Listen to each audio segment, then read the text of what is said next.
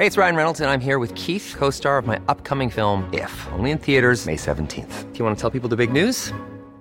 All right, I'll do it. Sign up now and you'll get unlimited for $15 a month in six months of Paramount Plus Essential Plan on us. Mintmobile.com slash switch. Upfront payment of $45 equivalent to $15 per month. Unlimited over 40 gigabytes per month. Face lower speeds. Videos at 480p. Active Mint customers by 531.24 get six months of Paramount Plus Essential Plan. Auto renews after six months. Offer ends May 31st, 2024. Separate Paramount Plus registration required. Terms and conditions apply if rated PG. Hey, it's Paige DeSorbo from Giggly Squad. High quality fashion without the price tag. Say hello to Quince. I'm snagging high-end essentials like cozy cashmere sweaters, sleek leather jackets, fine jewelry, and so much more. With Quince being 50 to 80% less than similar brands. And they partner with factories that prioritize safe, ethical, and responsible manufacturing. I love that. Luxury quality within reach. Go to quince.com slash style to get free shipping and 365-day returns on your next order. quince.com slash style. Millions of people have lost weight with personalized plans from Noom, like Evan, who can't stand salads and still lost 50 pounds. Salads, generally, for most people, are the easy button, right? For me, that wasn't an option. I never really was a salad guy. That's just not who I am. But Noom worked for me. Get your personalized plan today at Noom.com. Real Noom user compensated to provide their story.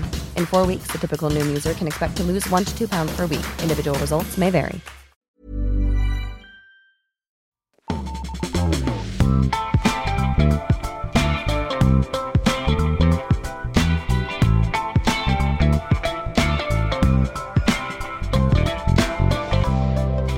God morgon! Hallå! I stugan. Ni lyssnar på nyhetsshowen live från GP-huset tisdag den 16 januari. Det är det. Fanny Wijk heter jag. Vad heter du? Linnea Rönnqvist. Jaså, vi har ju ett späckat program. Ja, det har vi I faktiskt. vanlig ordning tänkte jag säga, men kanske lite extra späckat känns det som. Mm. Eh, vad har du att bjuda på? Jo, men allra först eh, så tänkte jag prata lite om tågolyckan utanför Uddevalla igår. Ja. Ett pendeltåg och en lastbil som eh, kolliderade där. Sen ska jag också berätta att eh, Nooshi Dadgostar tycker att man ska porta Israel från Eurovision. Jaha, Mm. det tycker hon. Eh, jag ska prata om Rasmus Gossi och Fröken Snusks eh, förmodat dopade lyssningssiffror på Spotify. Det är ju något eh, vi har pratat om innan som man gärna vill höra mer om. Ja, DN har grävt vidare i saken. Jag ska också hinna med lite franskt raseri mot industrilagad mat.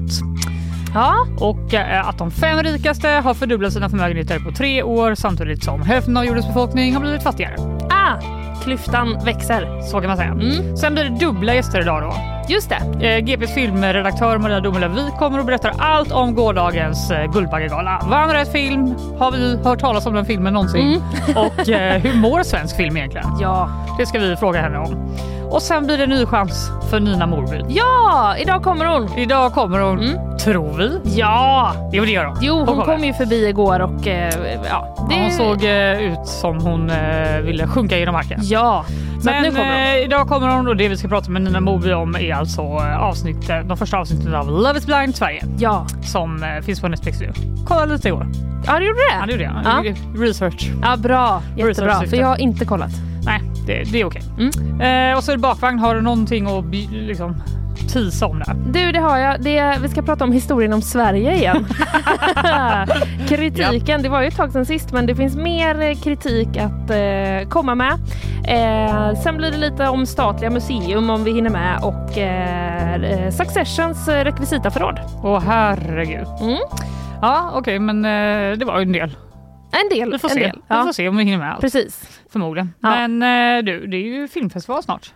Det är det. Från det ena till det Jag tänker inte ens fråga hur du mår. Nej, Du precis. ser ut att må toppen. Jag kan bara säga om, om, eh, för de som tittar på sändningen att om man tycker att jag sitter och liksom stryker mina händer mot Ja. varandra mycket, det ser lite obehagligt Lite ut. obehagligt är det Och det, det inser jag, men det var för att jag råkade ta handkräm väldigt tätt in på att vi drog igång. Så att jag försöker desperat få den att avdunsta. Du borde bara ta sån sprit på.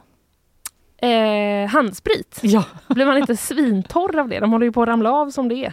Nej, är det sant? Ja, Okej, nästan. men du unnar dig Ja, eh. Nej, men skit i det nu. Det är filmfestival. Ja. Den börjar nästa helg. Precis. Och den första februari, då ska vi göra en takeover. Wow, wow, wow. Det är ändå ett ord man tycker om. Ja, det gör man. Ja, på Hotell Draken i biblioteket där. Mm. Då kommer vi eh, helt enkelt, de kommer ha Studio Draken där varje dag. Men den eh, första februari, då är det vi Då är det nyhetsshowen. som tar över på scen. Studio Nyhetsshowen. Exakt, det är helt gratis och öppet för alla så lyssnare som är i krokarna, kom gärna förbi och Mm. häng och lyssna. Vi har två gäster, det är regissören eh, Niklas Larsson som verkar vara någon sån. Han är aktuell med en eh, film med Ewan McGregor i hu- huvudrollen. Som Ja. alltså ska få det här stora fina priset på filmfestivalen. Mhm. Eh, och även eh, Lena Endre. Mm.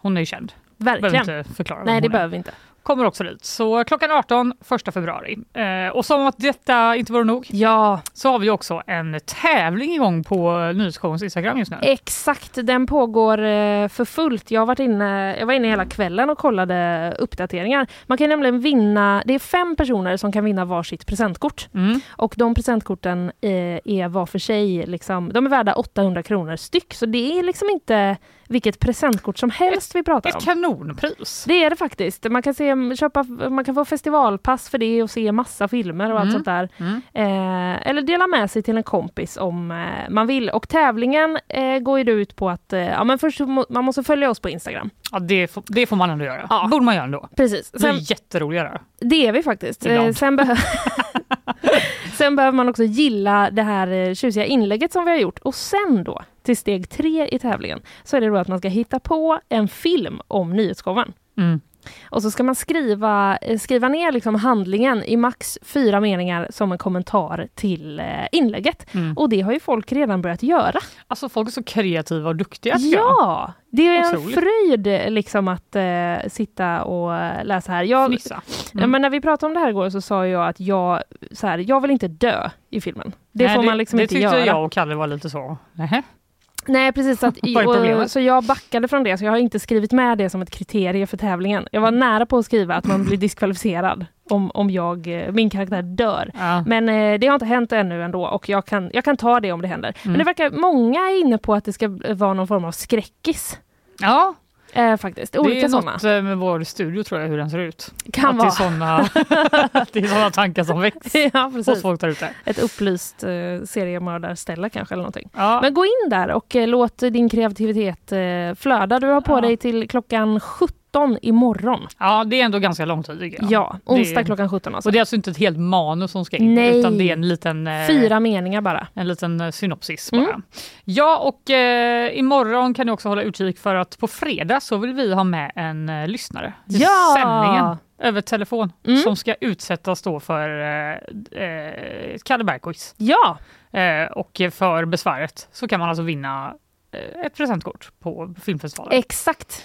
Så om man inte känner att man kan eh, klara av att komma på en bra filmidé, då Mm. kan man alltid eh, vara med oss här. Exakt. Så kan man vinna ändå. Mer information om det eh, kommer. Mm.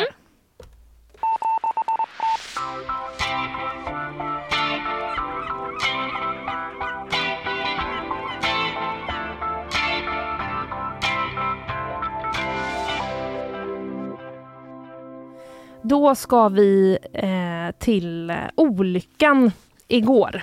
Ja, vi såg ju de här ganska chockerande måste jag säga bilderna. Precis. Eh, direkt efter sändning i år var det. Ja, typ på minuten. nästan. Exakt 8.31 så kom eh, larmet då om att ett pendeltåg hade krockat med en lastbil utanför eh, Uppsala. Och enligt vittnesuppgifter så ska det vara så att la, eh, lastbilen helt enkelt har fastnat i snö Mm. när den korsade järnvägen. Mm. Och sen kom tåget då i full fart och körde in i lastbilen och släpade med sig lastbilens släp i omkring 100 meter. Längst med rälsen. Sa jag Uppsala? Det är såklart fel. Uddevalla ska det vara. Sa du det? Jag vet, jag vet inte. inte. om jag sa fel. Det är, det är utanför Uddevalla i alla fall. Ja. Eh, och eh, igår eftermiddag så meddelade då också polisen att lokföraren hade dött i Mm. kollisionen.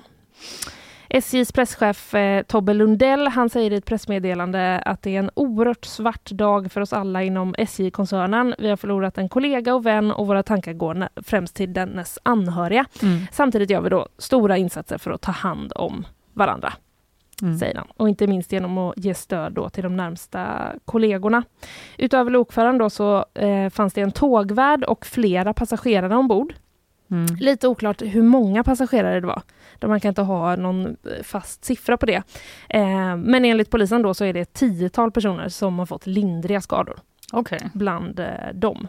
Ja. Eh, och lastbilen ska alltså då ha fastnat på spåret på något sätt i snön och eh, polisen berättar också för oss på GP igår att eh, lastbilschauffören ska ha liksom, ja men det här tänker jag mig då, men mer eller mindre desperat försökt eh, signalera till tåget Nej, men så att det ska kunna bromsa. Alltså tänk dig den att man bara, nu kör jag över här, bara, tänk om jag fastnar. Ja. Nej, det gör jag ju inte. Nej, jag och vet, så men, gör man det. ja, men så tänker man- jag nästan varje gång jag kör Ja, över man en gör järnvägsövergång. det. En, en vanlig eh, tvångstanke tror jag. Ja, eller, ja, precis. Man är ju alltid lite orolig för det. Men, eh, men det ska alltså, som jag har förstått det, inte ha varit någon i lastbilen utan Nej. eh, chauffören där ska ha tagit sig ur, försökt få tåget att bromsa men Mm. det, han lyckades inte få stopp på tåget då innan det var Nej.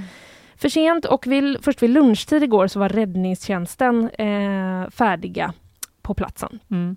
Och all trafik har såklart stoppats då på den här eh, sträckan och det är alltså mellan Uddevalla och Vänersborg. Mhm. Och utöver eh, tåget och lastbilsläpet som står på spåret så har också då elledningar rivits ner i det här. Aha, Och ja. enligt Trafikverkets preliminära prognos ska vi säga, för att det har inte gått så lång tid än, så kommer det dröja flera, flera veckor innan man kan trafikera den här sträckan igen. Så Mm. det är ersättningsbussar som gäller. Och Trafikverket har också då inlett en utredning för att ta reda på orsaken till olyckan. Mm. Eh, och våra kollegor här på redaktionen pratade med Morgan Ren på Trafikverket igår eh, och han säger att den här järnvägsövergången besiktigades för tio dagar sedan Mhm. och då hade den inga anmärkningar. Okej. Men nu får man helt enkelt, man kommer ju göra den här utredningen så då får man ju titta på den igen Ja. ifall det är någonting som, eh, som inte var bra Mm. eller vad det berodde på. Och polisen har också inlett en eh, utredning och de, utred, de rubricerade det då som vårdslöshet i trafik och de kommer gå vidare med teknisk undersökning och eh, förhör. Mm. Men det är det vi vet alltså. Lokföraren eh, avled då tyvärr och ja, sträckan är otrafikerbar för i alla fall flera veckor.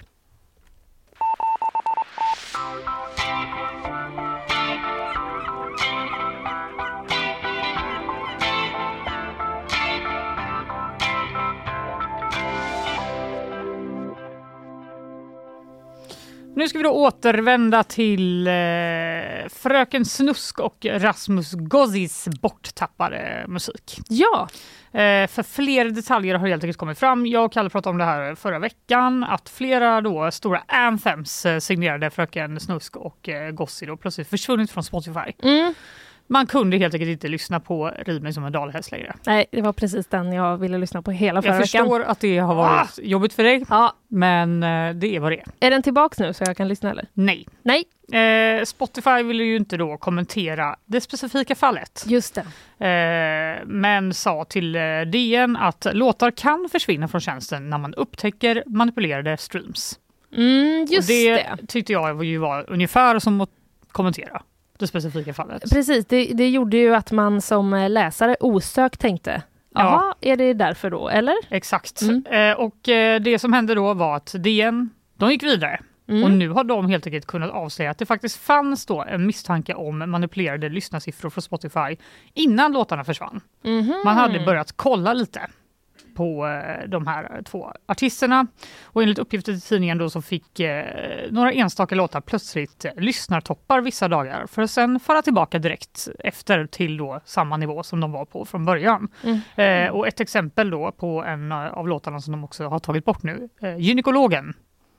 Ja, Oj. Den heter det. Vad- Eh, den hade ungefär 40 000 eh, spelningar om dagen. Mm. Men sen, den 11 december, så steg siffrorna till 184 000 lyssningar. Det är ju flera hundra procents ökning. Japp, Mm. under en dag då. Mm. Och då blev den helt plötsligt eh, Sveriges mest spelade låt den dagen. Eh, nästan fyra månader efter att den hade släppts, vilket ju är väldigt ovanligt. Att man helt plötsligt efter fyra månader bara, "Äh, har ni hört den här grymma låten Gynekologen ja, eller? då tänker man ju att så här, okej, har den varit med i något jätte, jättepopulärt tv-program? Precis, men det skulle inte heller förklara varför då lyssnandet direkt sjönk tillbaka till samma nivå och eh, låten då sjönk från plats 1 till plats 79 på Mm. eh, då svenska topplistan på Spotify. Eh, och på annandag jul så hände det igen. Låten spelades plötsligt 135 000 gånger under en dag eh, och steg på topplistan för att sen sjunka tillbaka igen dagen efter.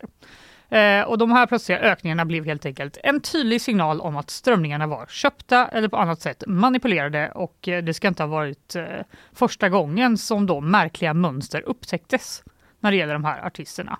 I flera månader så har Spotify haft ögonen på lyssningssiffrorna för Fröken Snusk och Rasmus Gossis låtar enligt eh, källor till eh, Dagens Nyheter. Vad spännande de måste ha det på Spotifys mystisk, Ja. mystiskt många lyssningar-avdelning. Jag vet, Man undrar ju vilka det är som sitter där vänta lite nu. I ett mörkt Har den varit rum. med i något samarbete eller något den här låten? Ja, jag Eh, tänker mig att de sitter liksom bakom flera kodlås. Ja, Att ingen ska, ungefär så som det är på eh, Sommar i P1 redaktion Exakt. i Radiohuset. så när någon kommer in bara Ja, det var bara Janne. Ja, välkommen. Det går bra. Du kan passera. Eh, nej, men Spotify ska också då, enligt DN, Mm. vid flera tillfällen ha skickat varningar till de som har rättigheterna till de här låtarna bak- Mhm. bakom eh, Rasmus Gossi och Fröken Snusk innan de tog bort Okej. musiken. Ja. Så det kan inte varit liksom en total nyhet för dem Nej. när låtarna väl försvann.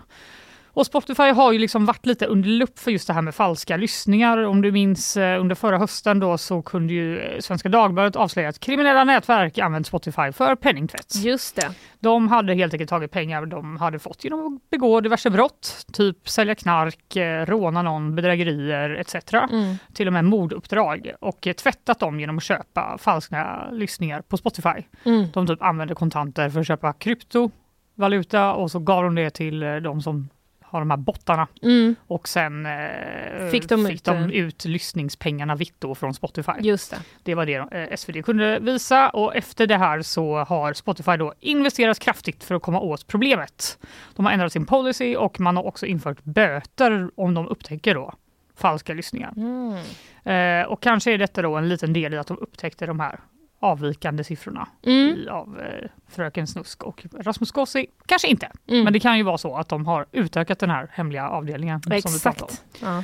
Eh, och Spotify ska inte vara de enda som har reagerat på avvikande lyssnarsiffror när det gäller just då Fröken Snusk och Rasmus Gossi, utan redan dagarna före jul så tog branschorganisationen IFPI, det är de som har ansvar för den här officiella svenska topplistan över musik. Mhm.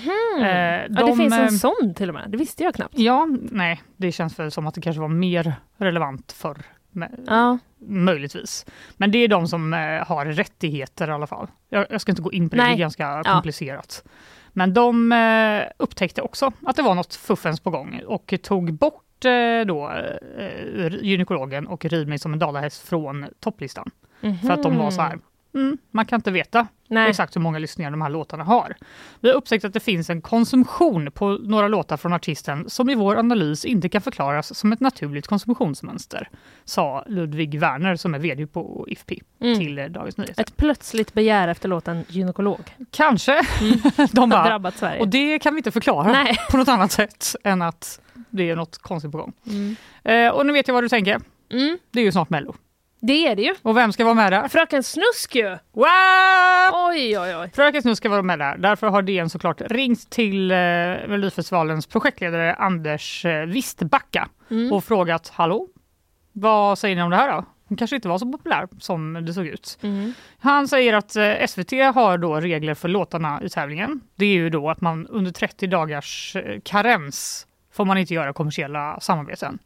Det är Ja. ju nyheter om det var eviga år. Det, det att någon så. ändå har gjort någon eh, jävla ICA-reklam. Ja, och sen det. är de ändå med i Mello och så är det så här. Får man verkligen vara det? Och så säger SVT, nej det får man inte. Men det går bra ändå. precis. Men det får Ungefär. man inte. Men ibland är det lite oklart vilka regler som Exakt, vi har sagt till dem gäller. Precis. på skarpen. Det var väl också, var det inte någon gång typ Anna Bok skulle vara med och tävla men så fick hon inte vara med och tävla för att hon hade, det var någonting annat. Men hon fick ändå göra sin låt.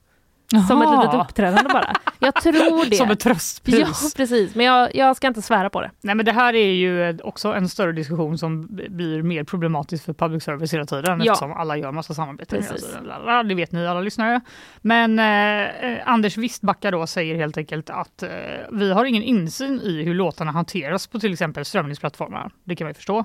Och för Fröken Snusk eh, så har vi idag ingen information som gör att vi behöver ifrågasätta hennes medverkan. Nej. Hon kommer helt enkelt att eh, vara med. Spelar ingen roll för SVT om hon eventuellt köpt sig viss framgång. Nej. Skitsamma. Ja. Hon har en Kör. bra låt, får vi Ja. anta. Mm. Eh, och det ska sägas då att varken Fröken Snusk eller Rasmus Gossi, som alltså är den som har skrivit och producerat hennes eh, låtar där, har kommenterat de här uppgifterna överhuvudtaget till DN. Okej. De har sökt dem upprepade gånger, står det, men de har inte återkommit. De har dock eh, publicerat inlägg på sina egna Instagramkonton, Mhm. som ju är så man kommunicerar. Just det, det är så man gör nu. Mm, där skriver de att all musik ska vara tillbaka den 4 februari. Eh, men det är lite oklart då vart den ska vara tillbaka. Mm. Alltså om det är på Spotify eller någon annanstans. Ja. Eh, och de skriver också Vi älskar ert stöd och eh, ni som vet, ni vet. Skriver Fröken Snusk. Okej. Och Rasmus Gossi skriver Haters gonna hate. Vi kommer fortsätta att rida på vår dalahäst.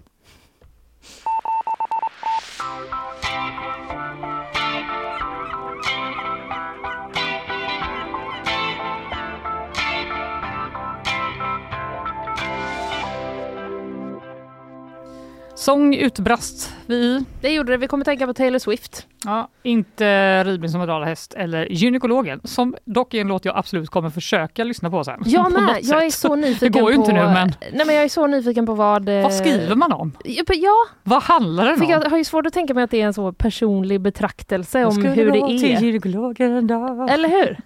Ja, vi får lyssna. Vi får försöka hitta den sen. Ja, väldigt eh, relevant Precis, diskussion. ja. Eh, hej Isabella Persson! Oj, vill du höras också? God morgon. God morgon, hur mår du? Hej. Jag mår bra. Har du hört den här låten? Nej, jag har inte det Nej. eh, faktiskt. Synd, då får vi... Knappt eh, att jag...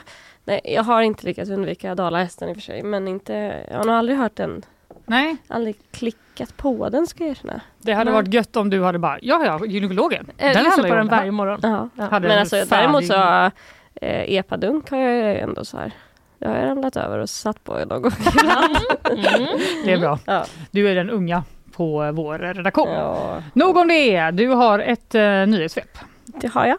Vi kör. Trump går mot storseger i första omgången av primärvalen som inleddes igår i Iowa. Redan strax efter att valkollarna stängdes gick flera nyhetskanaler ut och uppgav att Trump gick mot en seger och nu när 90 procent av rösterna räknats så kan man konstatera att Trump fått 50,9 procent av rösterna. Hans största konkurrenter Ron DeSantis och Nikki Haley landade på 21,3 respektive 19,1 procent. Segern i Iowa tyder på att Trump lyckats samla sina anhängare trots de uppmärksammade rättsprocesserna som parallellt pågår mot honom. En man ska ha kastat kokande vatten på en polis. Det var i samband med en större polisinsats i Kortedala igår där man var på plats för att omhänderta en man. Men mannen, som är i 70-årsåldern, ville inte följa med frivilligt och kastade då vattnet mot polismannen som nu vårdas på sjukhus. Senare kunde ändå mannen gripas och är nu misstänkt för grovt våld mot tjänsteman. En svensk man ska ha gripits i Iran, detta uppger utrikesdepartementet och något som Aftonbladet var först med att rapportera om. Den gripna är en ung man i 20-årsåldern som ska vara hemmahörande i Svealand. Han greps i huvudstaden Teheran i början av januari men orsaken till att han fängslats är fortfarande oklart. UD säger att man inte vill gå in på detaljer och hänvisar till konsulär sekretess. Ny, eh, Nytt avslut. ny eh, ljudeffekt från Ja, mig. jag gillar det. Varsågod. Ja, eh, du kommer tillbaka lite senare va? Ja, så är det. Ja, vad skönt. Mm. Jag blir lite orolig där ett tag. Då ses vi snart igen. Det gör vi.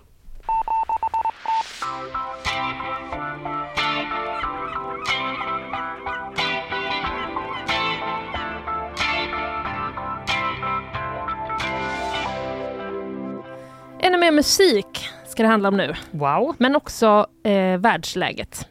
Okej. är det gynekologen igen? Nej, Jag skojar. det är inte det. Nej. Jag säger det bara rakt ut. Nooshi Dadgostar vill porta Israel från Eurovision. Ja, just Mm. det. Ja, Det hålls ju i Malmö i maj. ja Så att det är alltså ju jag har med på nästan hemmaplan. förträngt det här. Ja, jag har förträngt att eh, Malmö har haft det en gång nyligen, Stockholm har haft det en gång nyligen och då Ja, vi har vi väl inga fler stora städer va? Som Nej, kan tänkas vilja ha det. Nej, Nej, då blir det Malmö igen. Ja. Det är ett tema. Vad har vi grann. gjort för att förtjäna det här? Jag undrar det ibland. Men är det inte skönt då? Vi har så många Det events är typ lite tiden. skönt. Alltså, jag kan tycka att det räcker med att vi har massa ungdomar som spelar sport här Mm. ibland. Eh, och så känner man, ja. Here, here. Men det var Loreen som vann. Precis. Det är därför vi har det i Sverige. Jag tänkte faktiskt att jag skulle fråga dig, men det kunde du. Snyggt. Ja, men det kändes som att min hjärna bara, varför, varför? Men, Mm. ja, Det var Loreen med Tattoo. Då. det. Denna... Den här spektakulära showen. Just det, Mm. när hon låg liksom mellan olika lådor som hissades ganska ner, Typ stenblock skulle jag vilja säga att det var. Ja, precis. Det kanske skulle det se var det. ut som det. Men jag tror inte det var gjort av sten, för det känns Jag tror livsfarligt. typ att det var det. Skitsamma. Ja, vi kan kolla upp det eh, sen om eh, man vill. Men Nooshi Dadgostar vill alltså då som en markering mot kriget i Gaza stoppa Israel från att eh, tävla. Det säger hon till eh, Aftonbladet. Mm. Tiotusentals människor har blivit dödade. Det är inte rätt signal att skicka att Sverige ger plats på scen till en sådan stat. Israel bedriver ett aggressivt krig mot barn och deras föräldrar och är nu åtalade för folkmord. Och det finns mycket som tyder på att de begår krigsbrott just nu, säger alltså Nooshi Mhm. Dadgostar. Japp. Det är ju SVT som är värd för eh, Eurovision då eh, i Malmö. Mm. Men det är EBU, Europeiska radio och TV-unionen, som arrangerar tävlingen. Mhm. Så att det är ju i flera steg detta. Eh, och Madeleine Sinning Larsen på SVT, hon skriver till Aftonbladet att eh, SVT kommer inte att kommentera detta eftersom det är EBU som bestämmer vilka medlemmar som deltar i tävlingen och SVT kommer följa EBUs beslut.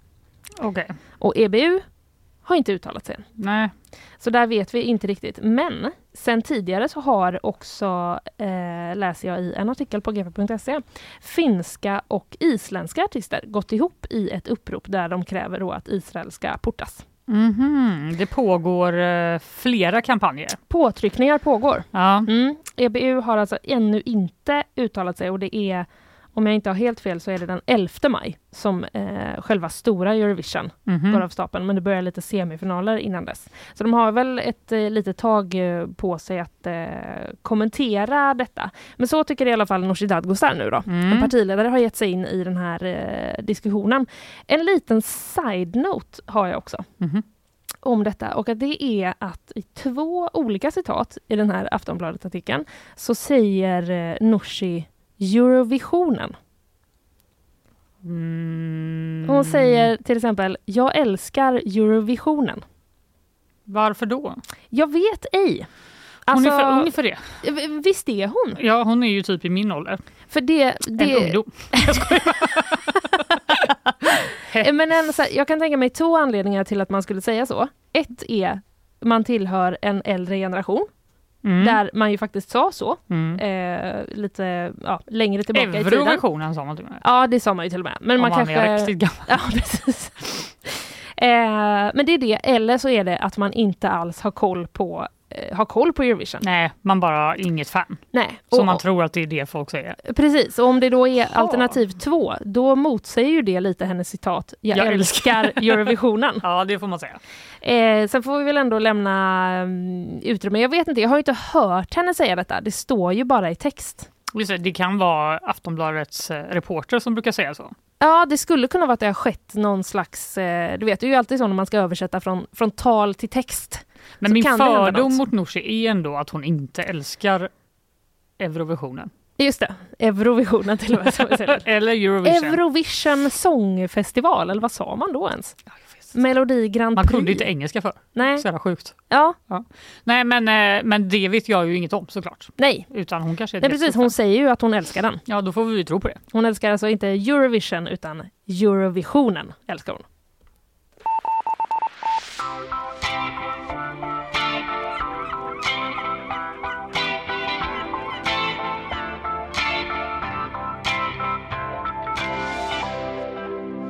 Nu kommer ju du på det. Ja men jag kom på att eh, det skulle kunna vara att hon älskar en europeisk vision. Jag älskar... Eurovisionen. Det måste vara det. Ja. Nu vidare till något eh, absolut helt annat. ja, Eh, jag sa ju det innan då, men de rikaste blev rikare så var det ja. samtidigt Precis. som hälften av jordens befolkning blev fattigare. Ja, Och det här är väl inget nytt kanske, men jag tycker ändå att de här siffrorna som jag kommer berätta snart, mm, de eh, fick mig att haja till lite. mm. Men du, topp fem rikaste personerna i världen, har du koll på dem eller? Oh, eh, kan en vara Jeff Bezos? Japp, Amazon-grundaren. Just det. Bill Gates kanske? Nej. Nej. Eh, Elon Musk? Elon Musk. Är absolut, honom behöver vi inte förklara vem det är. Nej. De andra tycker jag är lite svårare att gissa. Mm, är det kan, eh, doldisar? Ja, typ i alla fall. Kanske inte top of mind för alla. Det är Bernard eh, Arnault. Han, är, han äger lyxvaruimperiet LVHM. Det är då en sammanslagning av champagneproducenten Moët Chandon, Mhm. eh, konjakproducenten Hennessy och eh, modehuset Louis Vuitton. Ah, Det var ju ganska smart. sprit och vara- modekingen. Ja, det Mm. får man ändå verkligen säga. Mm. Eh, sen är det Larry Ellison. Känner du kanske till namnet, men ja, han är, har då grundat den amerikanska databasjätten Oracle Corporation. Fråga mig inte, för jag orkar inte läsa mer om det. Nej, men, det är känner jag igen som någon eh, IT-grej. Exakt. Och sen är det då affärsmannen eh, Warren Buffett. Warren Buffett. Also known as den bästa investeraren någonsin. Mm. Eh, och det är ju bra om man är det, om man ska bli jätterik. Det är det ju. Mm. Många tjejer det var på listan. Japp, vi har kommit långt. Eh, Men de här fem gubbarna då, de har en samlad förmögenhet på motsvarande nästan 9 000 miljarder dollar. Nej, kronor. Uppenbarligen. Nio- 9 000 miljarder kronor. Nej, oh, herregud. Ja, Ja, det är ju så mycket som man inte ens kan fatta nej hur precis. mycket det är. Nej. Eh, Men det innebär då att de Det tillsammans... är inte en siffra som förekommer i, min, i mina budgetar kan jag Nej, säga. nej, Nej. 9 000 kanske. Ja, möjligtvis. Men miljarder. Om det är en bra budget. Ja, Exakt. Om det är det man har över. Ja. Eh, nej, men det innebär då att de tillsammans mer än har fördubblat sin samlade förmögenhet sedan 2020. Det har en eh, ny eh, rapport av Oxfam räknat ut. Oj, det är ju jättekort tid man har Japp. fördubblat den Mer på. än fördubblat sin samlade förmögenhet på eh, tre år. Kan man säga. Ja, men det är ju också så, alltså har du mycket pengar är det lättare att få mer pengar. Ja, precis. Mm. Skulle det visa sig. Eh, då, för att eh, ja, de, har- Oxfam då har också räknat ut att med, med den förmögenheten så skulle de här miljardärerna kunna driva den svenska staten i nästan åtta år. Inte så länge, Så, nej, det nej, det är faktiskt inte så länge. eller? Så att om de skulle komma hit och bara, eh, vi ger alla våra pengar till att driva den svenska staten så ni slipper betala skatt i åtta år. Ulf Kristersson bara, okej, är Lite tveksamt, jag. tveksamt varför de skulle vilja göra det dock. Nej, jag vet inte. Jag Nej. tycker typ att det var ett ganska dåligt exempel ärligt talat, för det, Mm. det är så himla luddigt. Men man fattar, Ja. de har massa pengar. Mm. Eh, och jag har ju pratat om Oxfam innan i showen, Mm. faktiskt flera gånger, men jag ska bara förklara att det då är en global organisation som startades för att bekämpa fattigdom, bland annat genom att samla in pengar till väldigt många olika hjälporganisationer i världen. Mm. Men de jobbar också då med opinionsbildning Ja, på det här sättet. Och den här rapporten som de har gjort, den visar då att simultant med att de här fem gubbarnas rikedom då mer än fördubblades, eh, så har 4,8 miljarder människor, alltså nästan hälften av jordens befolkning, blivit fattigare på de tre åren, eh, fyra åren. ja. Eh, och så, som sagt, det har man ju hört förr, men det är någonting med liksom, nästan hälften av alla människor på hela jorden har blivit fattigare, samtidigt som fem Det personer, är nästan hälften av alla människor på hela jorden. Ja. Det- 4,8 miljarder människor Ja, just, har blivit fattigare. Just det. Eh, det är så uppenbart att det är vanliga människor som tvingas hantera konsekvenserna av de senaste årens pandemi, krig och inflation. Samtidigt fortsätter de stora globala företagen att generera storvinster, säger Susanne Standfast som är generalsekreterare då för Oxfam Sverige. Mm. Eh, hon eh, säger då att de senaste två åren så har 791 miljoner arbetare haft en sämre löneutveckling än vad inflationen har varit. Just det. Eh, enligt den här rapporten. När priserna på varor och tjänster stiger så räcker lönen till mycket mindre. Och eftersom vi bara har data för 76 länder så är det troligt att det är många fler som står inför tuffa år som kommer nu, menar då Susanne Standfast. Eh, och eh, det här är ju inte bara typ orättvist, lite så. Fan vad orättvist. Utan det är också att eh, de ser att de här ojämlikheten i världen eh, kan leda till krig och konflikter. Ja, ja, just det. Mm. Många kan nog acceptera att rika blir rikare om man själv samtidigt att man eh, upplever att man själv får det bättre. Mm. Alltså typ, jag skiter väl i om Elon Musk ska åka till rymden igen. Mm. Så länge jag har det bra. Ja. Men om jag själv blir fattigare så bör det sticka i ögonen. Liksom. Eh, när folk blir fattigare medan andra blir rika så startar det konflikter eller gör dem tydligare menar eh, professor Ashok Svein. Och han eh, och Oxfam anser att politiken det är motmedlet då för att bryta den här spiralen av ojämlikhet i världen. Mm. Bland annat så föreslår man att eh, man ska bli bättre på att spräcka monopol, beskatta övervinster och förmögenheter och låta löntagare bli delägare i bolagen. Mhm. Inte, de har kommit fram till det i alla fall i den här rapporten. Ja. Och ur ett svenskt perspektiv så vill Oxfam ha en årlig ojämlikhetsrapport. Som man ska ta fram eh, Mhm. för att få bättre koll då antar jag på hur det ser ut i vårt land. Ja. Man vill också beskatta de rikaste och att företagen då ska prioritera högre löner framför vinstutdelningar. Det här är en av vår tids stora utmaningar som politikerna måste hantera och det är skyndsamt tycker Susanne Standfast på Oxfam. Mm. Så eh, de fem rikaste blev rikare, eh, nästan hälften av jordens befolkning blev fattigare sedan 2020. Så är det med det.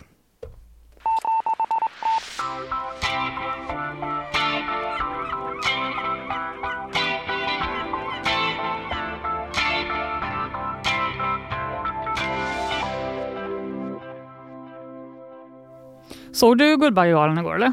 Nej, jag eh, tvättade och gick och la mig. Men jag kollade lite och eh, det finns faktiskt en hel del att prata om. Vi ska Mm. ta och släppa in eh, Maria Domelövik här. Vi återkommer om eh, några sekunder.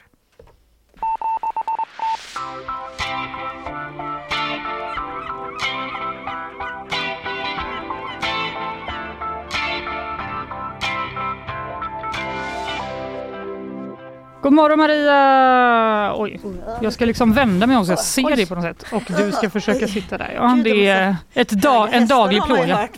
höga stolar, shit. Tänk om man hade ramlat ner här. Jag fastnade också i eh, någonting. Jag har olika Oj, hoppsan, i koppar. sko. Nej men den sitter så. Nej men oj, hoppsan. Säg något Linnea, säg något. Ramla Ja, ner jag sitter nu, här och Fanny. funderar på eh, om vi kommer reda ut det här eller om vi behöver ta en liten bumper. Men det verkar som Det att vi reder Oj, ut det kan va? man vad heter det, sänka volymen på den här eller? Det kan man absolut. Shit alltså. Vi ska få allting perfekt. funka här. Blir det bättre nu? Mycket bättre. Ja, det, så här kan det vara ibland. Man Ja, får hänga med ja. lite. Det är live va? Men eh, nu ska vi förklara vad vi håller på med va? Vi ska ju prata om svensk film, för igår var det Guldbaggegalan och eh, då prisas ju då årets främsta eh, svenska filminsatser. Och vem vann egentligen och eh, hur är läget för den svenska filmen i stort? Det ska vi prata med dig om, eh, GPs filmredaktör Maria Domerevik. Ja. Är du trött från att ha tittat på galan igår? Är du utmattad? Nej, inte särskilt. Nej. Jag Jag antar att du har sett några stycken av de här Guldbaggegalorna förr va? Ja, det har jag gjort. Jag har sett många Guldbaggegalor och det här var ju en ganska nedbantad variant. Det var lite färre gäster, lite billigare bubbel och em, men på uppsidan, plussidan så var ju eh, årets eh, konferencier eller värd Shima Niavarani som var så himla vass alltså. Mm. Och, mm, Det var ju kul. Jag såg bara hennes eh, sjuka klänning med lite popcorn så vid brösten. Ja, precis. Hon såg ut som en sån popcornbägare och så var det lite popcorn som stack upp så. Exakt, hon bara, excellerade. det? hon, hade, hon inledde det hela med att se ut som själva Guldbaggen i någon slags sånt där grön glitterglänsande fodral som gick ut i sprät hit och dit. Mhm. Men väldigt roligt var också hur hon var lite, det var lite bett i det hela för det var en satirisk inledningsfilm liksom som började som Bergman och slutade med att hon satt hos sin psykolog och försökte reda ut vad det var för någon gala hon egentligen skulle leda som skulle liksom omfamna allting, liksom det bredaste breda och det smalaste smala och vilket ju naturligtvis är en eh, omöjlighet. Ja, det är ju, och det har ju diskuterats en hel del. Vi ska komma till lite kritik mot eh, galan eh, sen. Men vi kanske ska ta lite vinnare först för de Ja. som Linnea som bara gick och la sig. Du, har ju, du vet ju inte. Nej, men jag har sett lite rubriker men jag vill ändå verkligen eh, höra. Alltså årets bästa film, det utser man väl ändå på Guldbaggen? Definitivt, det gör Ja, man ju. vilken blev det? Ja, det blev Paradiset brinner. Mm. Den har du pratat om här förr tror jag. Eh, absolut, jag utsåg ju den till eh, årets bästa svenska film i min bok eh, före jul här, så jag är nöjd. Men ehm, och, och det här är då, för de som kanske inte har sett den, är väldigt eh, fint och det, det, det, är otroligt punkig och rolig och bitsk film om tre systrar som har lämnats lite vind för våg eh, under en sommar. Och, ehm, och så är det lite så här spel mot klockan för socialtjänsten ringer och vill komma på hembesök. Något som stora systern vill förhindra för de vill ju till, all, till varje pris hålla ihop och liksom inte bli utplacerade på olika familjer och sådär. Mm.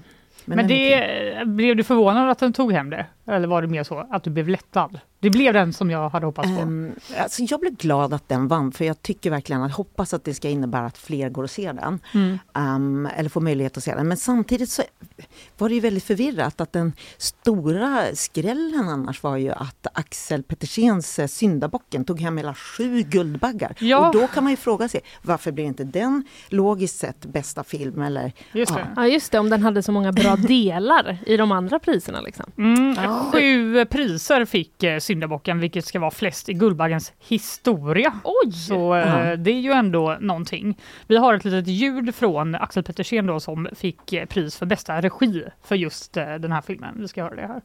Tack Saskia, min fru Prima, om du är vaken, du ska sova.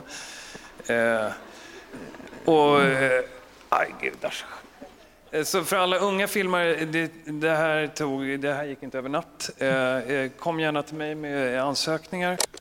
man, man hör inte hela här, men han var ändå upp, verkligen tagen, verkade det som. Han kanske inte trodde att han skulle vinna just regi. Det är väl ett ganska tungt pris, tänker jag. Nej, han var jätteglad och, och rörd och, och, och sa gudaskymning flera gånger. Och, var, alltså, och eh, precis som Joel Spira som ju tog hem eh, priset för bästa manliga skådespelare, han var så här, nu kommer jag eh, och börja gråta. Och Vi så. kan lyssna på det med faktiskt, vi gör det med en gång. Axel, tack för att du trodde på mig hela vägen, tack. Och eh, Sigrid, tack så hemskt mycket för allt stöd du har gett mig. Mm. Jag kommer fortsätta gråta, det är ingen fara. Jag tycker inte det här är jobbigt, jag älskar det här. Så gullig. Ja, känslosam. Han var så här, sa direkt när han gick upp på scen. Jag kommer gråta nu. Och jag bara, bara gjorde han det. Ja. Men den här syndabocken, jag fick verkligen vara så här, vad är det här för film? Ja. Jag kommer inte ihåg knappt att jag läst om den, men det är den med Tommy Nilsson i. Exakt, kommer han var med Tommy publiken. Nilsson? Han är med där. Det handlar ju liksom om en, ett gäng utlandssvenskar på Malta där han är lite av en party, liksom en sammanhållande länk kan man säga. Och så är det väl en en story om, en lite thrilleraktig story om två tidigare eh, vänner som har blivit ovänner mm. och sen så dyker den ena personen upp eh, ganska lagom till den andras äh, bröllop. Mm. Mm. Men är den, liksom, är den bra den här filmen tycker du? Det förflutna kommer ikapp. Ja, ja. Linnea bara åh! Den är, ja, men det är min typ av mm. film det där. Ja. Den är jätteintressant och bra men väldigt smal. Okay. Väldigt smal, okej. Okay. Ändå mm. fick den sju priser då. Mm. Vad, kan man liksom dra några slutsatser om det? Eh, säger det någonting om svensk film mm. överlag? Mm, ja, jag skulle säga att eh, Ja, alltså det är också, det säger någonting om Guldbaggegalan som ofta premier, vill premiera det kanske inte jättekommersiella och sådär eh, och lyfta fram goda insatser. Men jag kan tycka det är lite tråkigt när liksom så många filmer går till en, mm. eller så många priser menar jag går till en mm. enda film ändå. Och, och, och, och det här lite ologiska är att den samtidigt inte blir bästa film. Nu tycker ju jag i min bok så är ju Paradiset brinner verkligen en värdig vinnare så jag är glad för den. Men um, mm. Nej, för att det var väl också så att eh, den Hammarskjöld hade sju nomineringar. Mm. Eh, alltså den här filmen med Persbrandt i huvudrollen. Och mm. den vann bara ett pris för bästa kostymdesign. Mm, det eh, stämmer. vad, tyckte du det var förvånande? Ja, det var ju förvånande för att Hammarskjöld och eh, ett sista race var ju två filmer som kom väldigt sent i förra året och som alla hoppades på rent kommersiellt för att liksom få upp siffrorna för svensk film på biograf, att folk verkligen skulle gå och se. Och det gjorde eh, svenskarna också. De gick ut och mm. såg på Hammarskjöld och ett sista race. Men eh, de är inte de blev inte alls eh, prisade på galan. Och i, Motståndaren är en annan film som blev eh, nominerad till sju priser och som bara fick en. Ja, det var ju... för det, ja, eller, förlåt. det var ju eh, årets kvinnliga skådespelare gick ju då till Maral Nasir för just eh, Motståndaren. Alltså, vad, när vi ändå kommer in på den, vad, borde den ha fått, den var, hade den också sju nomineringar sa du? Mm. Borde den ha fått fler tycker du? Alltså det var ju, Eller vunnit fler priser ska jag säga.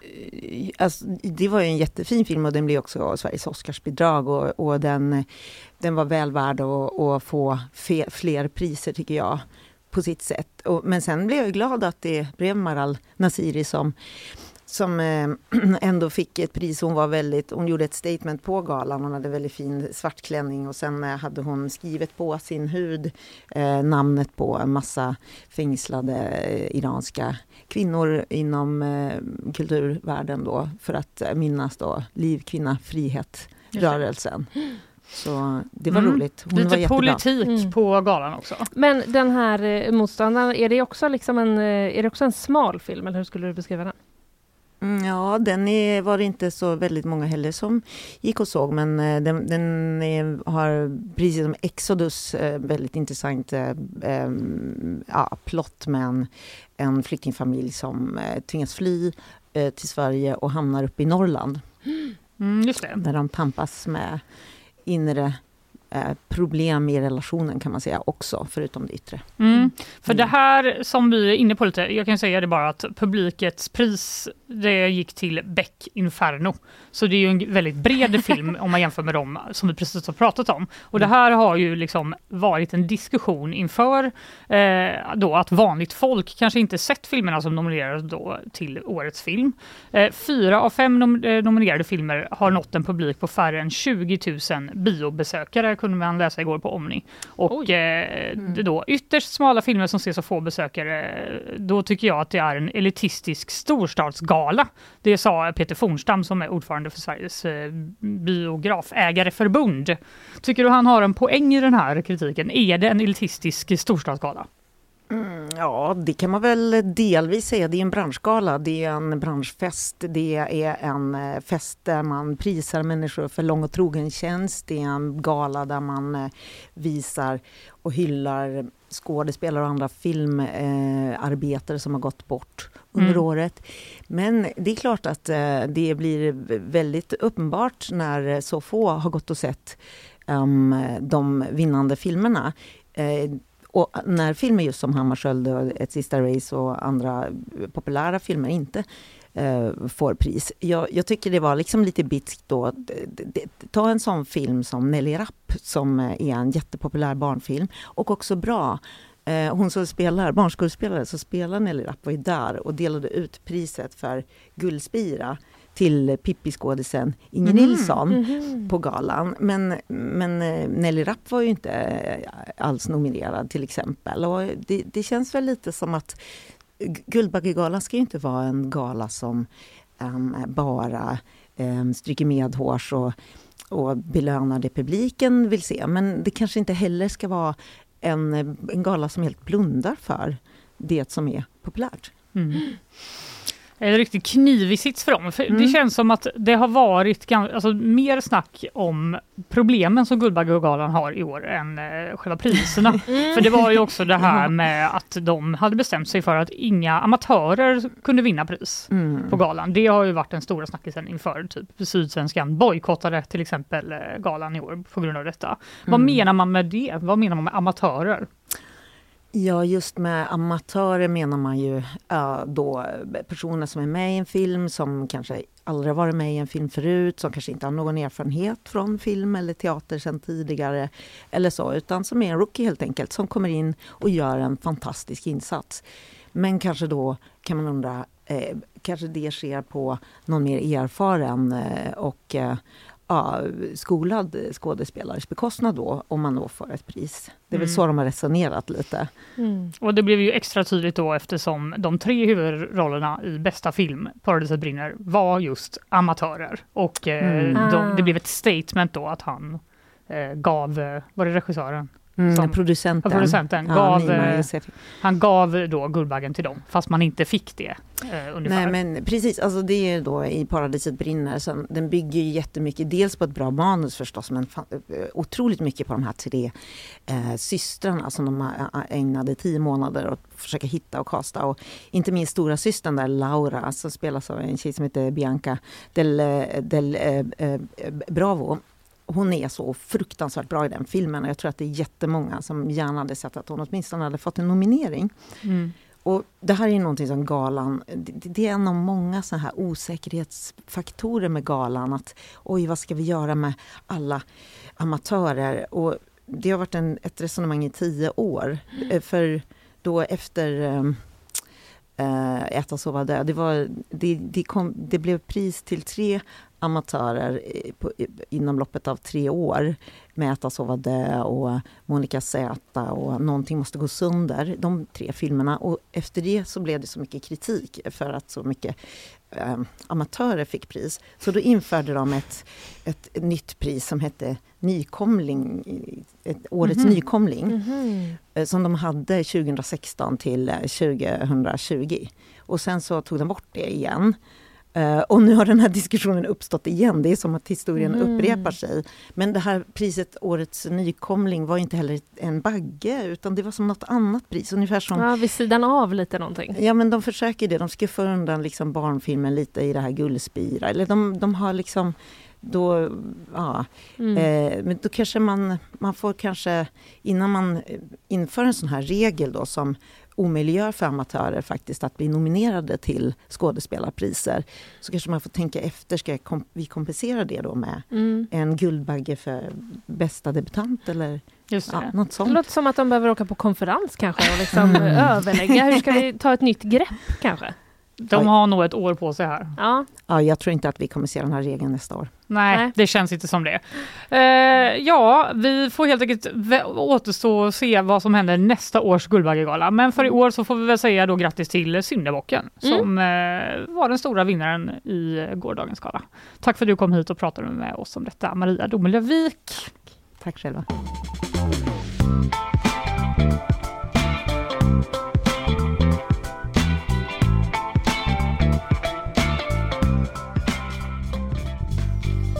Isabella Persson är tillbaka. ja. Var eh, underbart. Kollade du på galan igår eller? Eh, nej, det gjorde jag faktiskt inte. Jag kollade på andra saker. Var det dart eller? Oj. ja.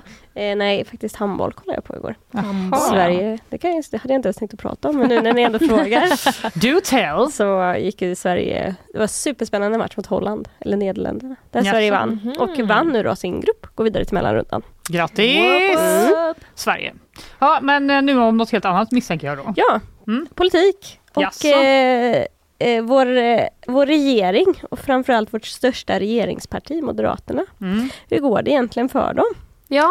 Ja. Det, det har vi eh, på GP frågat. Eh, och vi har gjort en opinionsundersökning där vi ställt frågan vilken då är väljarens viktigaste frågor och sedan också vilket parti som har bäst politik i just den frågan. Mhm. Och konstaterat du då, det här är ingen överraskning, det här ser ganska lika ut över åren, att eh, sjukvården, skola, utbildning, lag och ordning samt invandring och integration. Mm. Det är de fyra kategorierna då, eh, som väljarna tycker är viktigast. Ämnen Mm. man känner igen. Så är det. Inte i någon av de här frågorna har Moderaterna bäst politik. Säger väljarna. Aj, aj, aj, aj, aj. Ja, och framförallt då kanske det som sticker ut eh, är den här punkten invandring och integration som då är ett prioriterat område för eh, Moderaterna och regeringen. Mm. Där är det endast 9% som anser att Moderaterna har bäst politik i det ämnet. Eller i den kategorin. Mhm. Oj då. Störst där då är SD med Va? 32, Jag 32 procent Ja. anser att SD har bäst politik när det kommer till invandring och integration och följt av Socialdemokraterna Ja. med 19 procent. Och även på ämnet lag och ordning är SD störst. Inte så stor marginal då. Okej. Jag tror att den var 24 procent hade SD och 21 procent Moderaterna. Men ändå eh, SD är störst Mm. i, i den frågan. Och de är ju också ett samarbetsparti. Mm. Det ska man ju ha med sig här då. Och eh, kanske att Moderaterna borde tycka det här är lite bekymmersamt. Ja. Det säger i alla fall statsvetaren Jonas Simfors. Mhm. Han tycker att det kanske finns någonting i retoriken hos Ulf Kristersson som inte riktigt funkar. Kanske till och med är ett strat- strategiskt fel. Mm. Oj, ja, det låter ju som ett jobbigt fel. Ja, Då måste man ju verkligen Ett åka på konferens för att ett lösa det. genomtänkt, en Ja. genomtänkt sak Ja. som är fel. Mm. Det blir lite jobbigt. De kan åka med eh. Guldbaggen på en god konferens. Moderaterna och Guldbaggegänget. Det är hur Ja. man ska lägga upp det här. Hur ska ni göra? Vilken, vilken kategori ska vi? Inspireras av varandra lite. Ja. Ja. Nej men det som eh, Himfors pekar ut då är att så här, Moderaternas politik kan bli lite svårbegriplig. Det är svårbegripligt den här strategin för att det för, förefaller sig att, eh, om man att de tror att om man talar Sverigedemokraternas språk så kan man vinna över Sverigedemokraternas väljare. Men det verkar snarare kanske som att det är så ja, men, eh, att man bekräftar Sverigedemokraternas politik istället. Då. Mm, då vill man gå miss- till ursprungs... Exakt! Mm. Det, det missgynnar Moderaterna och istället gynnar originalet, säger Mhm. Himfors. Spännande. Ja. Och kollar man då, vi kan väl också nämna de två andra viktigaste frågorna, skola och sjukvård. Mm. Eh, och då är det Liberalerna och Socialdemokraterna i, i skolfrågan. Mm. Som eh, väljarna anser har bäst politik medan Moderaterna endast får 8 där. Och sjukvården så är det Socialdemokraterna och Kristdemokraterna som hamnar i topp när det kommer till sjukvården. Jaha. Ja, okej. Ja, ja, ja. Lite blandat plock där Ja. då. Blir, man lite sugen på eh, valår nu? Jaha, Ja. alltid sugen på valår. Men det är väl ett tag kvar? Ja, det är ju det. det är jättelångt Det är kvar. att eh, man smittas av USA tror jag. Mm. Supervalåret. Men eh, de har tid på sig Moderaterna. Det att har de. slipa på sin ja, strategi. Ja, ja. Och det här är ju inte, det här är inte liksom eh, väljarsiffror jag pratar om nu. Utan det är ju liksom Nej. förtroende i specifika frågor Mm. där man anser att politik, eh, deras politik är bäst. Exakt. Mm. Ja, intressant. Tack så mycket Isabella. Tack.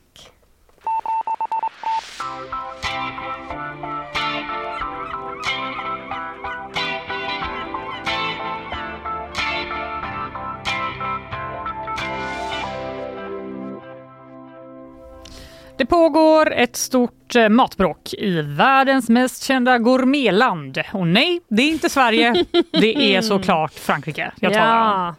Ja. Eh, nu visar det sig att kända rätter som bœuf bourguignon, moule mariné och tarte satin sällan lagas på plats samma dag i landets restauranger.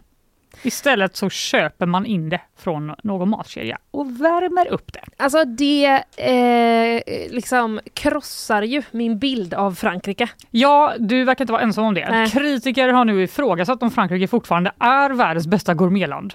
Och det är väl inget som Det- Frankrike vill alltså- att någon ska ifrågasätta va? Nej, det tror jag inte. Och då skulle jag säga att eh, det kan man, det diskvalificeras man ifrån. Ja. Om man håller på och servera frysgrejer. Ja, jag vet. Jag Alltså, tycker också det, det. Så... Om det inte är extremt bra frysmat här då. Nej, men det...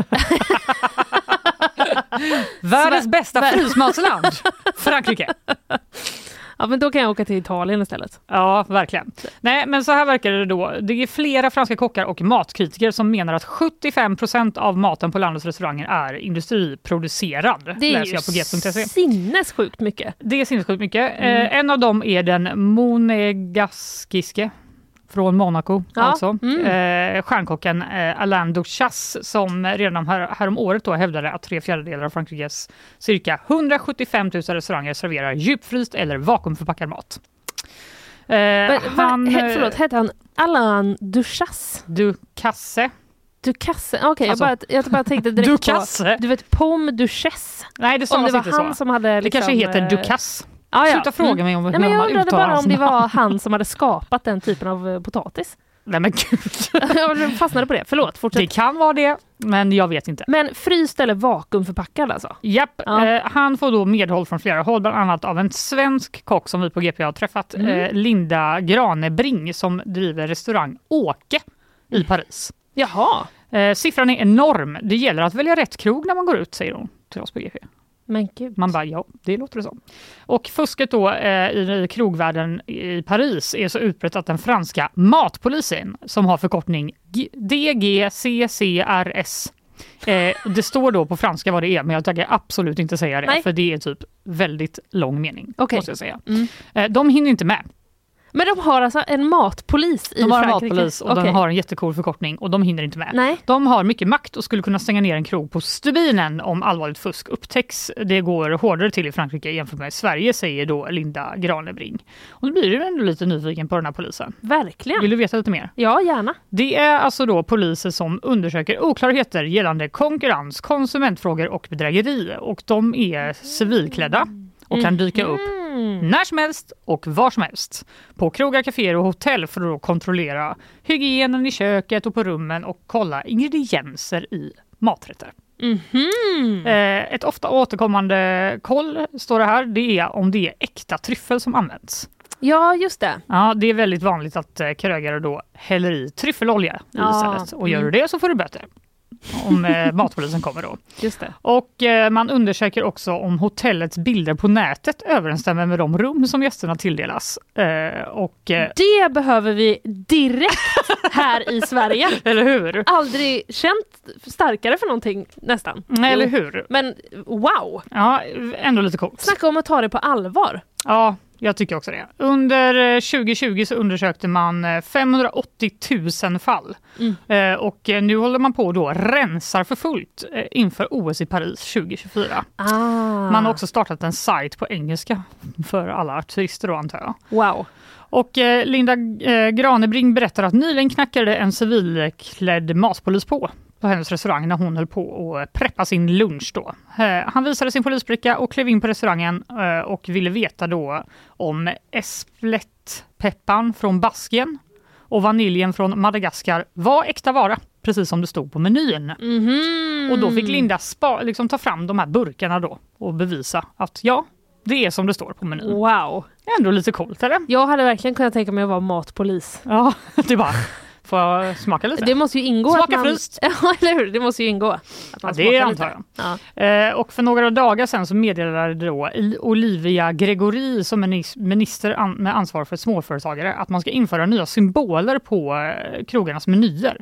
Mhm. Eh, med upplysningen då Fête Mission, alltså vilka maträtter som har lagats på plats den dagen.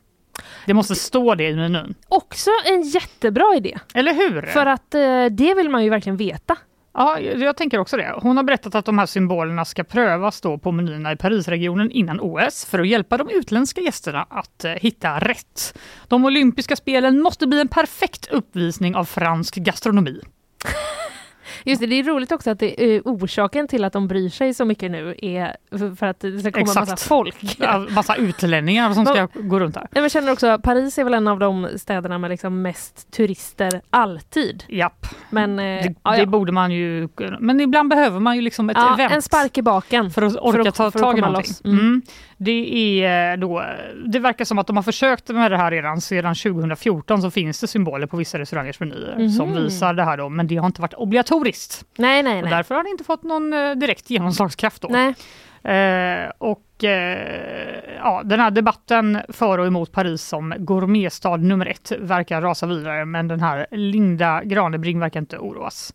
Eh, hon säger, för mig räcker det med de restauranger där maten lagas på plats och med passion. Även om de bara utgör 25 procent. Så är det tillräckligt bra betyg för att fortsätta kalla Paris för en gastronomisk metropol.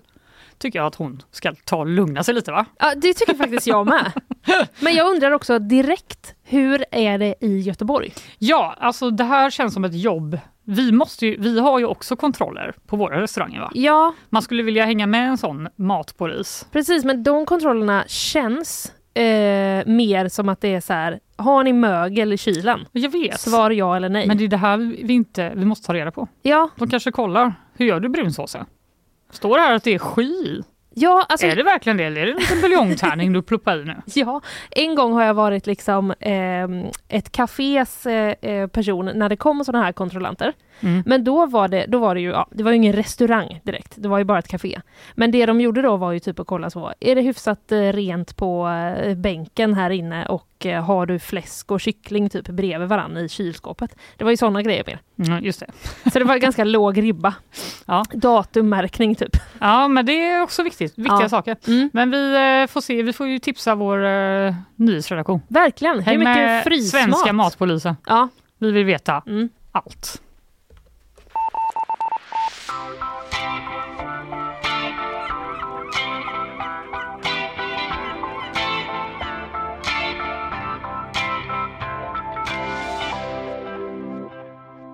Du, vi ska släppa in eh, Nina Moby. Det ska vi. Vi ska prata om Love is blind. Jajamän. Vi eh, lägger oss på mattan lite. Dating-tv ska vi prata nu. I fredags eh, så hade då den svenska versionen av Love is blind premiär på Netflix och det här succéprogrammet får man ändå säga, det började ju sändas i USA för tre år sedan och sedan dess har det då bland annat sålts till Brasilien och Japan och nu äntligen, säger vissa, Eh, så har turen alltså då kommit till eh, Sverige och en som har sett det här det är ju GPs Nina Morby. Hej! Hej! Du, eh, för alla de som inte har sett det här, eh, det här, Det här programmet. de som inte har sett det här. Eh, för alla de som inte har sett Love is blind kan man säga, vad, eh, hur, hur skulle du beskriva konceptet för en oinvigne? Det är en dating reality-serie ehm, som går ut på att typ 30 personer i början um, dejtar varandra, alltså killar dejtar tjejer och tjejer dejtar killar. Mm. Ehm, och de dejtar varandra i något som kallas för kapslar, Mm. vilket är liksom eh, rum med en jättetunn vägg eh, i mitten som gör det möjligt för dem att höra varandra helt perfekt men inte se varandra.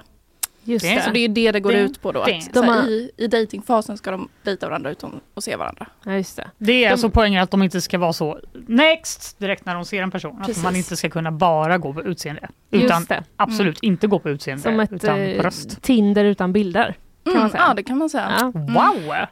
Ny idé! Vi säger upp oss och startar en startup med en Men gång. då, de har översatt då, för visst i den eh, amerikanska versionen så heter det pods. Att man Ja, går in det. i pods, då heter Mm. det kapslar på svenska. Då, då. Mm. Ja. Mm. Lite mindre coolt kände jag spontant. Mm, fast det hade varit värre om de sagt pods. Ja, sant. Det kanske det hade varit. Mm. Ja, jag backar direkt. eh, rum. Jag ska sluta Mm. tänka på alternativ där. Men eh, det här då med att man inte... Ja, men att, jag tänker att tanken är att det ska kännas lite mindre ytligt. Eller? Eh, ja, precis.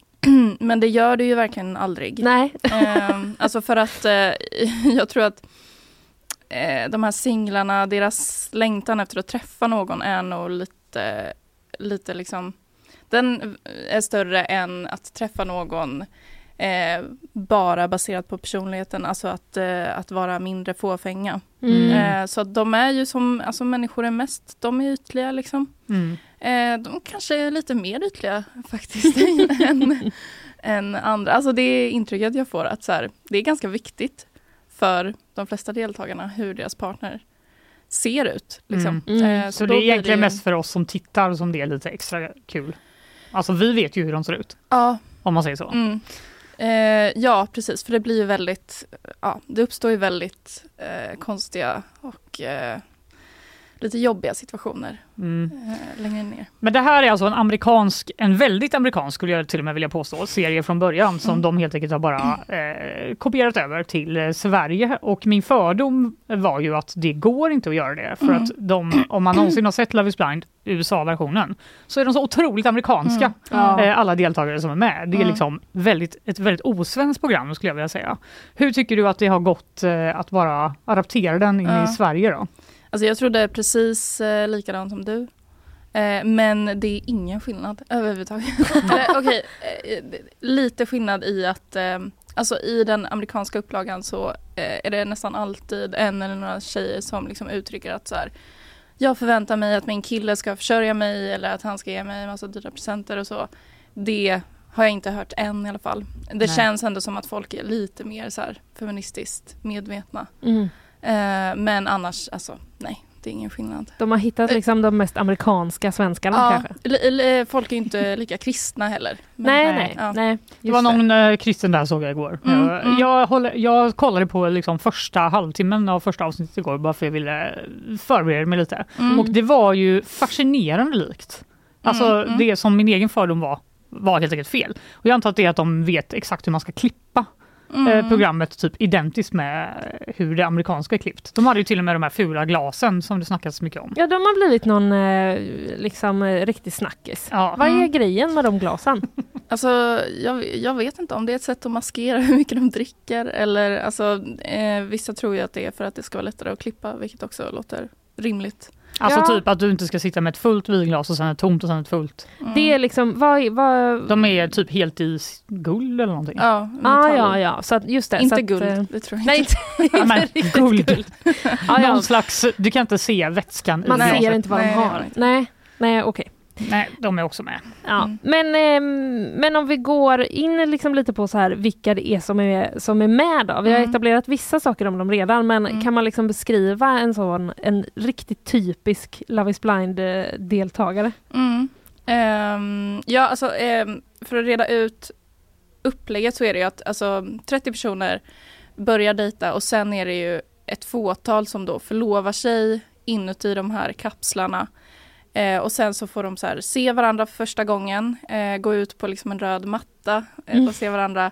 Sen så åker de på en resa ihop med de andra som har förlovat sig och sen ska de flytta ihop och sen så ska de eh, då gifta sig eller säga ja eller nej. Liksom. Mm. Just det. Eh, men den eh, generiska eh, Love is blind-deltagaren skulle jag ändå säga men jag skulle säga att det finns vissa drag. Eh, att eh, hon eller han är väldigt eh, träningsintresserad. Alltså tar väldigt mm, bra hand om sig själv. Liksom. Ehm, det känns som att astrologi är en, en grej. Mm. It's a thing. Är det Ja. liksom, eh, ursäkta för de här, men är det liksom både bland män och kvinnor? Nej men bland kvinnorna. Ja, mm. Eh, nej men att de är liksom eh, Ja, vad ska man säga? Ja, men typ gillar tatueringar. Alltså är det många som mm. gör typ gillar att resa. Alltså som, det, är, det är inte jättemycket som så här de har sticker inte, ut så mycket. Nej, de har inte kastat typ massa jätteexcentriska personer. Nej, utan nej. det är ju att de ändå ska kunna hitta varandra Just på något det, ja, sätt. precis. är Det är det. Mm, de är väldigt lika. Ja, det tycker jag sticker ut jämfört med andra såpor där man vill kanske, det är inte så Kungen av Tylösand. Där det är Nej, bara så här, vilka är de Mm. mest liksom, utflippade människorna vi kan Ja, hitta här? Utan mm. det ska mer väl vara att de ska kunna bli kära Någon då som ska kunna gå och älska. Ja. Det är kriteriet. japp. och det kan man göra med alla människor Linnea. Ja, det kan man. Eh, men eh, vad kan man säga då? Det är ju in, det har ju gått ganska många säsonger i andra länder. Mm. Eh, kan man svara på om det är lyckat i län- längden att dejta på det här sättet då? Att man bör bli kär i personen? Ja, nej. Alltså eh, det har ju funkat i några få fall. Mm. Alltså att det, det finns några, sägs det, som fortfarande är gifta. Jag har inte verifierat de källorna, men eh, alltså jag skulle säga att det är typ mer tur i så fall. För att det har ju också varit, alltså allt som oftast bland de som förlovar sig så uppstår det ju liksom en, en asymmetri i attraktion. Eh, att den ena är mer attraherad av den andra. Och så är det också i årets säsong. Mm. Eller i svenska säsongen. Ehm, och det, alltså, det går ju i princip inte att komma runt. Eller det blir ju svårt liksom. Nej, så när de väl ser varandra, alltså efter det här första momentet Mm. och de får gå ut ur eh, kapslarna, Mm. då är det ju ändå så att Mm, mm. utseendet spelar roll. Ja, precis. Och då var kanske den där personliga kemin inte så stark. Nej. Men sen är det ju också liksom, de, de får ju flytta ihop då och man kanske ser andra sidor av, av sin partner eh, när, när hen ska liksom diska och eh, vad det nu kan vara. Mm. Mm. Så Bädda bete sig. sängen och... ja, eh, vad, om du får liksom ge ett betyg på den här, eh, t- om, om du jämför med till exempel Gift med första ögonkastet, Mm. håller den liksom för eh, att eh, hela Sverige ska sitta uppe och ha det som lägereld? Mm. Eh, ja, men eh, ibland eh, är det lite tråkigt tycker jag. Mm. Alltså det, det är väldigt liksom utdraget. Ehm, så jag brukar sp- snabbspola lite bara. Ja, det är någonting med att de i början av varje avsnitt visar typ allt som kommer hända hela säsongen. Ja. Man bara, ja, då vet jag det. Det vill man väl inte veta, vad konstigt. Nej. Ja. Men eh, jag undrar bara eh, Nina, alltså eh, Love is blind har du eh, haft koll på och tittat lite på nu. Vi pratade också Mm. Gift vid första ögonkastet i våras. Alltså om du själv var tvungen att välja eh, någon av de här alla dating-tv-programmen att vara med i. Mm. Vilken skulle du välja och varför? Eh, jag tror jag skulle välja första dejten för att det känns minst eh, brutalt. Mm. Eh, mest snällt. Men också... Jag har ju tänkt anmäla Linnea till alla de här serierna. Första dejten, det hade du väl ändå accepterat? Samtycke krävs Fanny. Ja, men jag frågar ju nu. Ja, vi, vi, kom, vi pratar inte om det nu. Nej, okej. Nej men du hade valt första dejten. Ja, eller Bonde söker fru för att jag älskar Bonde söker fru. Ah, Men, eh, ja, hade du det- velat vara bonde då eller Nej. fru höll jag på att Hur säga. skulle jag vara bonde? Nej jag vet inte. Starta en bondgård. Men snart Och räcker, sen det söka väl, in. snart, snart räcker det säkert med att man har liksom tre katter hemma eller någonting. Ja, Tänker jag. och. Jag har en så det... ja, då är du på god väg. Mm. Ja, vill Ja. du försöka sia någonting om eh, ifall det kommer komma fler utländska datingprogram till Sverige inom den närmsta framtiden. Alltså jag hoppas så mycket att det finns en, eh, en ett, ett brittiskt program som heter typ Dating No Filter. Som är liksom att ett gäng, alltså mm, ett gäng komiker sitter och kommenterar eh, när människor går på sin första blind date. Och det är så Mhm. kul. Men det är också för att de är hysteriskt roliga. Mhm. Ehm, Det låter ju, men ha, ja. Jag bara, har vi så roliga komiker i Sverige? Förlåt. Det är klart vi har. Det är klart vi har. Vi eh, hoppas eh, på detta format. Jag tycker det låter eh, gött. Jag vill också säga att om man är sugen på mer svenska Love is blind så finns det en intervju på gp.se just nu som Caroline. Widheim har gjort med göteborgaren Alexandra Davidsson som är en av deltagarna. Ja, vi, vi följer det här tror jag. Det gör vi. Det kommer nog bli så. Tusen tack för att du kom hit Nina Tack Morby.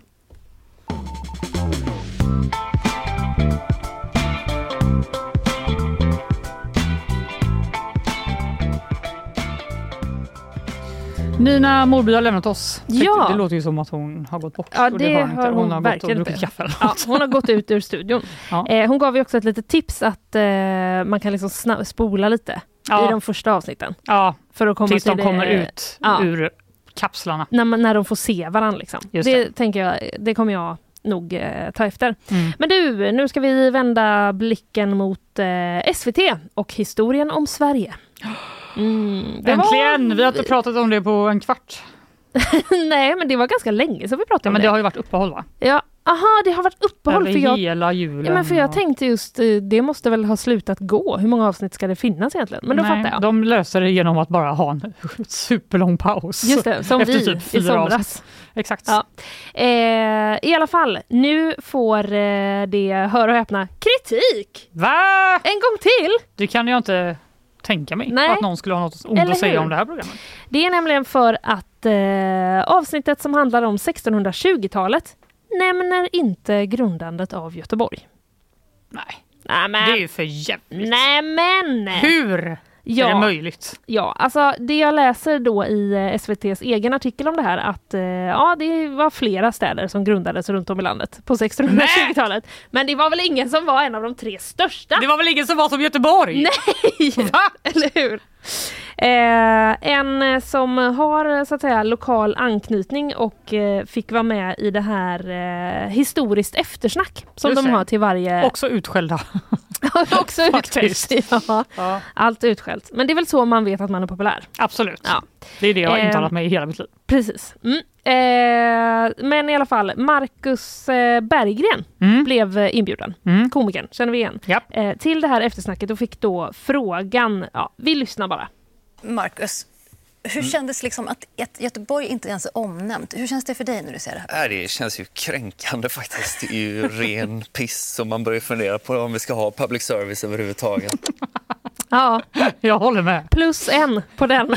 Ja, verkligen. Vi bara here, here. Ja, eh, och där var det slut och nu ska de alltså lägga ner public service. Efter Det var deras sista potatis. Det var deras sista potatis. Nej men han, är, han utvecklar eh, lite. Okej. Nej, men alltså, så här, jag tycker lite konstigt, som eh, då uppvuxen i trakterna, så vi har, vi har ju sett den här statyn, Gustav II Adolf, han pekar och man vet så han sa här ska stan ligga. Det har ju fått en att tro att det var en sån viktig dag i Sveriges historia, men när det ska summeras då så kanske det inte var en grej. det, Det var ingen grej. Jag tycker det är lite, det är lite god liksom, passiv aggressivitet i den rösten. Så att, Ja. Nej men då när det skulle summeras då var det väl ingen grej då? Verkar det som. Det var väl ingen grej? Nej. Nej. Nej.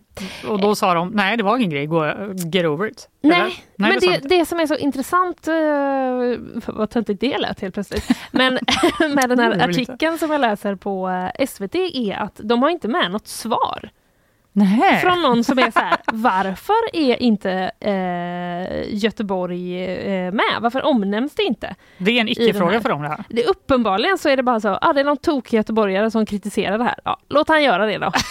Vi behöver inte svara. Nu har de skickat sin representant och det var Marcus Berggren som är från Kungälv. Ja. Men ändå. Nu har de fått säga sitt där borta och nu kan vi gå vidare.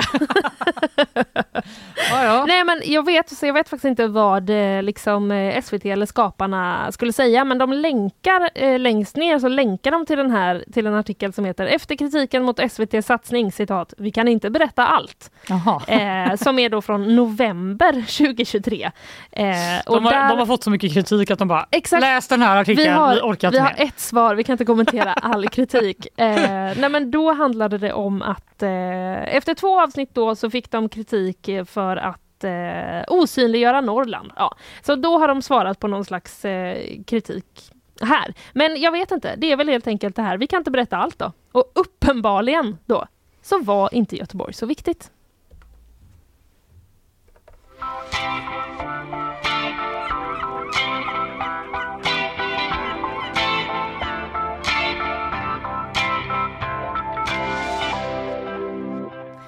Succession har du sett? Ja det har jag verkligen. Mm. Det är typ det enda jag såg på tv förra året. Ja just Så jag det. hann inte se något annat. Jag tror att det även gäller eh, Kalle. Det var en himla massa tjafs om Ja. Succession förra året. Vet du varför? För att den var så himla bra. Ja, Mm. så du kanske borde bara kolla på den Jag istället. vet, men problemet är att jag inte har den streamingtjänsten. HBO? Ja. What? Okej. Men jag har flera andra, jag kan inte ha alla. Eh, strunt samma, jag sparar den till någon gång i framtiden. Men det som har hänt nu läser jag på Omni är att eh, rekvisita från Succession har sålts ut. Jaha. Mm. Är det något som du har budat på? Nej, jag kan inte ens komma på eh, vad det skulle kunna vara för något. Nej. En kostym. Ett privatjet. Ja, men jag ska läsa upp lite vad det var. Det har i alla fall kommit in över 10 000 bud. Oj! När då 200 rekvisitaföremål från succéserien, skriver Omni, Succession, eh, såldes i helgen då på auktion i USA. Mhm. Och det fanns då bland de här föremålen eh, karaktärernas ID-kort. Okej. Kan du, vad är det för någonting? Jag fattar inte riktigt. Vet är det? det är deras lägg typ?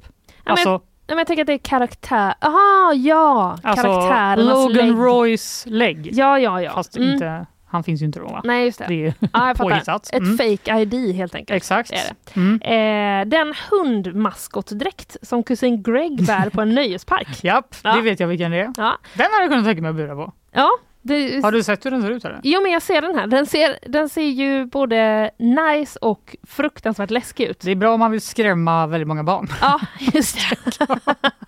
Och det vill man ju. Ja, Ja. ständigt varje dag vill man det. Mm. Eh, också fake-korvar som Logan Roy använder i sin lek Bore on the floor. Jaha, ja. Några det är smalt där. Det är är ganska, väldigt smart. ja precis, jag fattar ju ingenting Nej. som inte har sett det.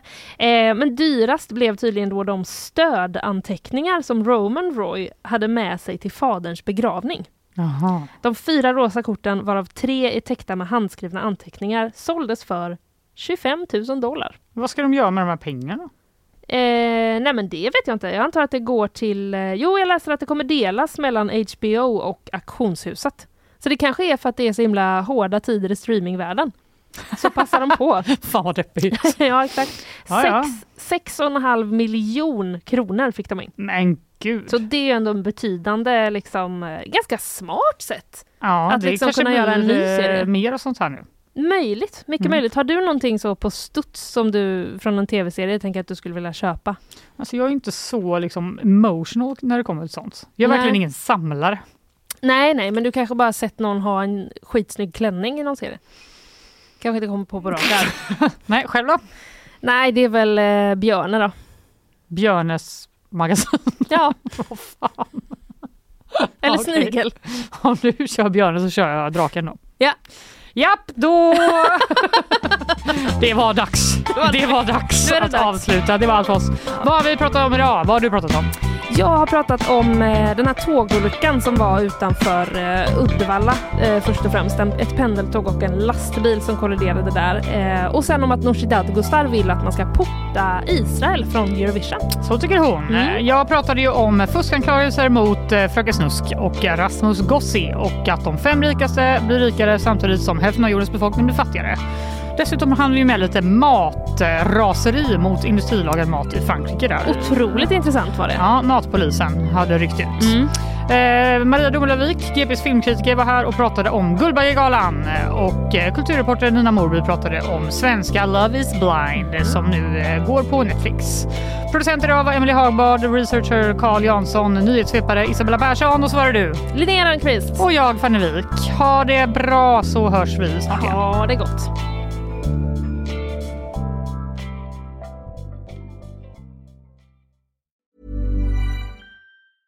Even when we're on a budget, we still deserve nice things.